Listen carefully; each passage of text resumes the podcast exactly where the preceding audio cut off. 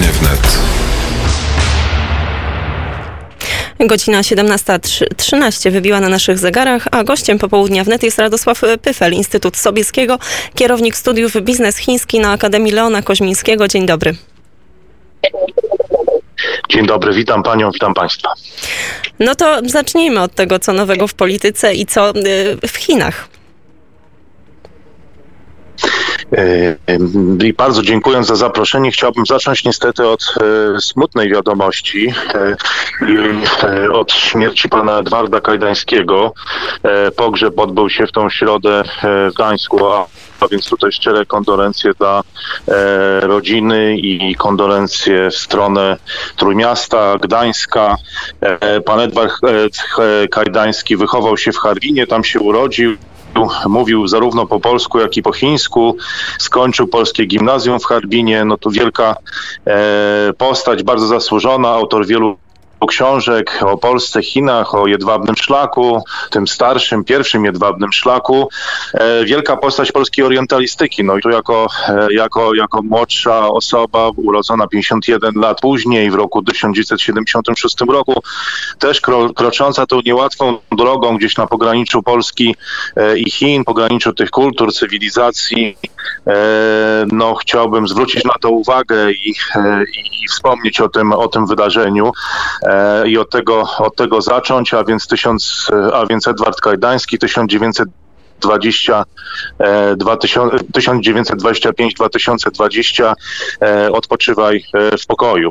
A co do, co wracając do, do współczesności, no bardzo rzeczywiście ciekawe, interesujące rzeczy i trwający koncept mocarstw. Przede wszystkim myślę, że dla nas bardzo ważny szczyt Unia Europejska-Chiny, E, do którego doszło na początku e, tygodnia. E, była to wideokonferencja, w trakcie której ustalono no, sporo, poruszono wiele, wiele kwestii czy wiele tematów. No i cóż, Ursula von der Leyen mówiła o tym, że E, były to rozmowy szczere i otwarte, ale wiele jeszcze musi być zrobione. E, z tych takich oficjalnych, e, kurtuazyjnych wypowiedzi mogliśmy się dowiedzieć, że, że klimat rozmów był dobry. Zawsze chodzi, tak, zawsze chodzi tak naprawdę o kilka tutaj kwestii czy kilka punktów i tak też wyglądała agenda tego spotkania. Przede wszystkim chodzi o, o dostęp do rynku chińskiego. Tu miał być podpisany deal inwestycyjny, do tego jeszcze nie doszło, ale uczestnicy tych rozmów, a więc pan, pani Ursula von der Leyen, pan Michel i Angela Merkel, e, e, która tutaj e, reprezentowała nie tyle Niemcy, co przywódców europejskich, dlatego że teraz Niemcy, jest akurat prezydencja niemiecka w ramach tego rotacyjnego systemu. No i więc dostęp do rynku chińskiego. Mamy niewiele takich firm polskich, dla których to byłoby istotne, no ale dla firm zachodnioeuropejskich, czy niemieckich, francuskich, e, to jest rzecz bardzo istotna. Wśród tych niewielu polskich firm, zresztą na tym programie Biznes Chiński, o którym pani wspomniała, teraz rusza już czwarta edycja, no jest też Krzysztof Domarecki z e, polskiej Seleny, która swego czasu no też walczyła o ten, o ten dostęp. Także takie firmy e, również, również są i część naszych wykładowców również je prowadzi, no ale głównie jest to wielki zachodnioeuropejski biznes o to walczy. Druga kwestia to jest kwestia subsydiów dla chińskich podmiotów. Ja pracowałem swego czasu w PKP Cargo i to była bardzo też istotna rzecz. E, wiele z chińskich spółek kolejowych jest subsydiowanych. Niekoniecznie to miało złe efekty akurat e, dla nas, tej części Europy, te chińskie subsydia, no ale zawsze to e, też tworzy pewien taki no, E, nie do końca wolny rynek, czy nie do końca wolną konkurencję i to też jest zawsze przedmiotem e, wielu e, rozmów. Także wymuszane transfery technologiczne. No tutaj oczywiście, jeżeli są jakieś inwestycje na terenie państwa środka, no to wiadomo, że Chiny chcą, chcą te technologie adoptować i, i uczyć się ich i to jest warunkiem inwestowania czy dostępu do tego rynku. A więc no, o, tym, e, o, tym, o tym rozmawiano. No ale okazji okazało się, że Chiny są też partnerem w kwestii polityki klimatycznej. Ona jest bardzo ważna dla krajów Europy Północnej, Europy Zachodniej. Także podkreślano kwestię dążenia do multilateralizmu, a więc tej wielobiegunowości w świecie i Europa tutaj ku rozczarowaniu pewnie wielu zwolenników jakby konsensusu atlantyckiego, no, no nie, nie idzie jakby zdecydowanie e, po stronie, e, nie popiera zdecydowanie Stanów Zjednoczonych. Tak się stało też i WHO swego czasu e, ale mówi o wielobiegunowym świecie, no i układa się z Chinami. Oczywiście wspominając tam o kwestii Ujgurów, czy o kwestii Hongkongu, wyrażając te odrębne, odrębne opinie, no ale to to wszystko jest według formuły, że tam, gdzie możemy, e, współpracujemy, tam, gdzie możemy, to konkurujemy, a tam, gdzie musimy, to krytykujemy. No ale to oznacza, że, że krytykujemy, a jednocześnie, jeżeli tutaj są te kwestie handlowe czy biznesowe, e, no to współpracujemy i staramy się układać te relacje e, tak, żeby było to dobre e, dla europejskich, europejskich firm. I Chiny chyba są tutaj rzeczywiście bardziej otwarte na rozmowy, tak jak mówiła Ursula von der Leyen, dlatego, że chcą przyciągnąć Europę na swoją korzyść i zapewne sporo temu biznesowi europejskiemu zaoferują, więc pewnie to będziemy obserwować w ostatnich tygodniach, tak możemy zinterpretować te rozmowy tą wideokonferencję z udziałem e, przywódców europejskich. Także był to akcent e, polski, troszeczkę niezauważony, bo są to sprawy, które jakby mało nas interesują, te na poziomie unijnym, no ale przecież mamy tam komisarza e, unijnego do spraw rolnictwa, pan Janusz Wojciechowski. On, on także odniósł swój mały sukces, to tym bardziej mnie to dziwi, że zostało to niezauważone w Polsce, no bo e, uzyskano rejestrację 100 znaków e, towarowych. Znaki są znaki E, pochodzenia e, tego produktu, co jest istotne na rynku chińskim. Chińczycy cenią bardzo produkty europejskie, zwłaszcza tutaj są produkty spożywcze. niewiele jest może tego biznesu między Polską a Chinami, pewnie nie tyle co w Europie Zachodniej, pewnie więcej byśmy oczekiwali, no ale dużo jest akurat biznesu spożywczego. I teraz te znaki towarowe zostały zarejestrowane. To jest pewna rzecz, którą uczyniono, zresztą chińskie w Europie także.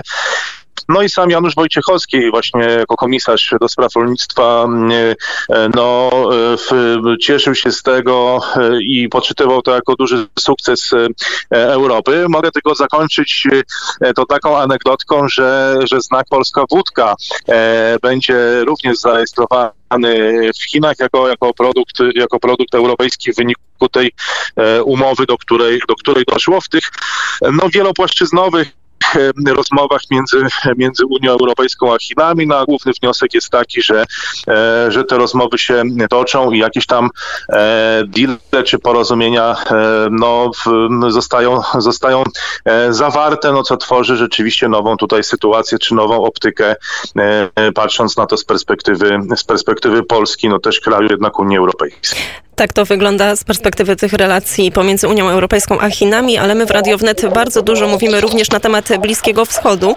E, wiemy, że w Stanach Zjednoczonych doszło do porozumienia pomiędzy Izraelem a Zjednoczonymi Emiratami Arabskimi oraz Bahrajnem.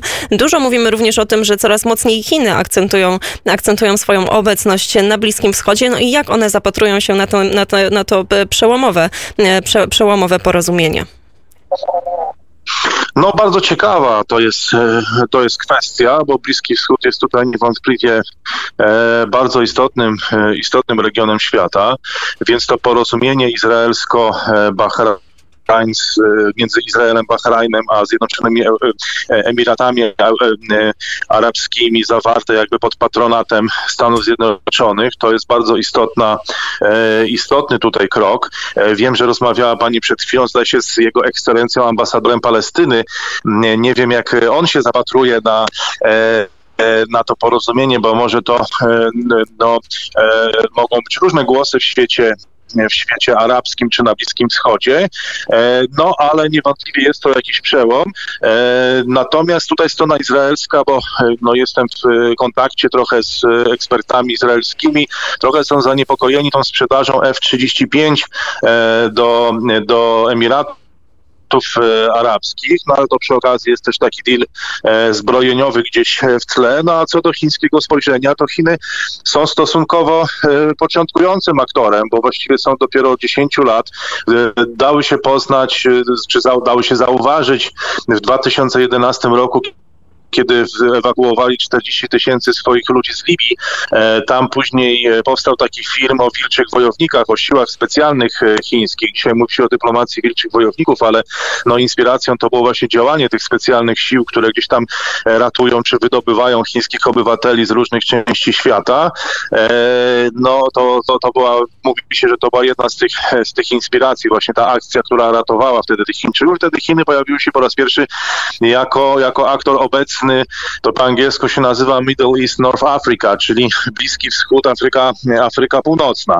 Ale muszę pani i państwu powiedzieć, że rozmawiając gdzieś tam z przedstawicielami e, no, tego chińskiego świata finansów, przemysłu, no to jednak jest duży sceptycyzm co do, co do Bliskiego Wschodu, tu także w kontekście projektu jakby nowego jedwabnego szlaku, który ma wytyczyć te nowe korytarze korytarze transportowe z bogatego rejonu Pacyfiku do Europy e, Zachodniej, to raczej Bliskiego Wschodu nie bierze się pod uwagę, uważając, że jest to rejon zdestabilizowany jednak, który przez kilkadziesiąt lat będzie walczył, że tam są różne plemiona, różne, e, różne jakby frakcje że to jakby mm, no przez jeszcze kilkadziesiąt e, lat będzie trudno, e, trudno uspokoić. To jest ciągły konflikt i ciągłe jakieś e, konflikty militarne. Więc Chiny za specjalnie, jakby można powiedzieć, że w swojej doktrynie, no nie, nie, nie tam chcą wchodzić, też uznając, że jednak jest to domena Stanów Zjednoczonych, które są tam obecne od kilkudziesięciu lat i mają mocną pozycję w regionie. No ale oczywiście on jest bardzo ważny dla Chin, właściwie dla całego świata, ze względu na te złoża energetyczne. E, to myślę, że jest bardzo ważne, czy znaczy ze względu na energię, tak, bo to, to tutaj Bliski Wschód jest niesamowitym rezerwuarem tej, tych surowców. E, no po drugie Chiny, e, nawet jeżeli są, no, mogą zrobić jakiś projekt infrastrukturalny, i są tam chińskie firmy obecne, e, budują zarówno kolej, jak i osiedla, hotele.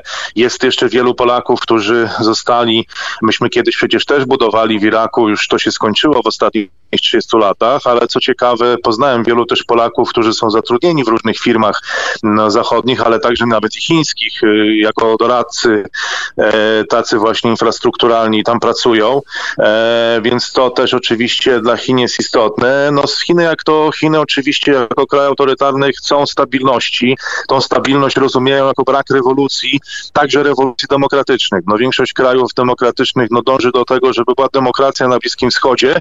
No Chiny uważałem, że to jest brak stabilności, tak? Więc e, były bardzo, rzeczywiście obawiały się tej arabskiej wiosny i tak samo obawiają się tej demokracji, co do której są sceptyczne akurat na Bliskim Wschodzie, uważając, że ona nie przynosi dobrobytu i stabilności e, i temu na pewno, e, na pewno są przeciwne. Amerykanie nakładają dużo sankcji na poszczególne kraje Bliskiego Wschodu i to tworzy luki pewnego rodzaju, tworzy pewnego rodzaju nisze i od razu Chiny to wykorzystują, tak, właśnie przy, przy, to, przy, przy, tych wspomnianych projektach infrastrukturalnych.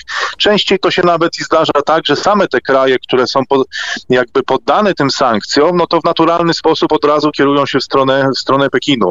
E, nie wiem, czy taka, taki byłby skutek sankcji na przykład na Białorusi, która by się pewnie skierowała, już się skierowała w stronę Rosji, nawet już bez tych sankcji no ale wygląda na to, że podobny mechanizm, e, mechanizm działa, e, działa na Bliskim Wschodzie. No i rzeczywiście tutaj mając te, żyjąc w epoce tych wojen handlowych, także i Chiny zaczęły coraz bardziej e, odpowiadać na, ten, na, te, na te aktywności tych krajów i podniosły rangę tego strategicznego partnerstwa z Egiptem, z Iranem i Arabią Saudyjską.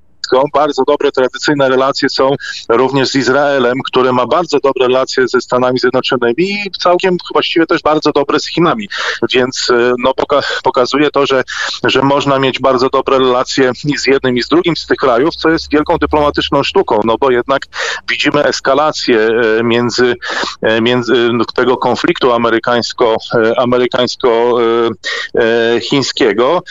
No co z tego wyjdzie, to zobaczymy.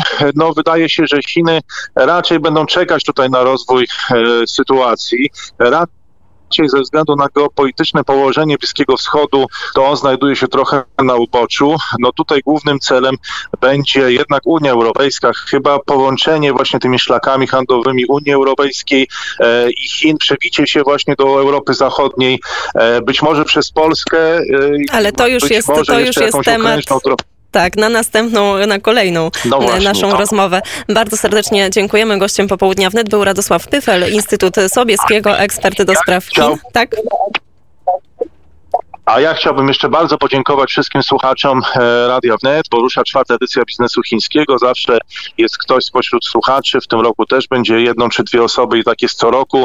E, Jeżeli Państwa zaciekawiła ta rozmowa, to będziemy teraz przez cały następny rok ją kontynuować, czy to odnośnie Białorusi, czy to odnośnie Bliskiego Wschodu, e, czy odnośnie właśnie tego biznesu Europa, Unia Europejska, Chiny, bo dzieje się wiele ciekawych rzeczy żałuję, że dzisiaj nie mogliśmy tych wszystkich przedyskutować, ale jeśli ktoś jest zainteresowany, to mam jeszcze ostatnie miejsce i do poniedziałku czekam. Zapraszam i dziękuję bardzo. Jeżeli, jeżeli kogoś z Państwa interesuje ta tematyka, to na pewno warto wybrać się na Ak- Akademię Leona Koźmińskiego. Radosław Pyfel, Instytut Sobieskiego, kierownik studiów biznes chiński. Bardzo serdecznie dziękuję.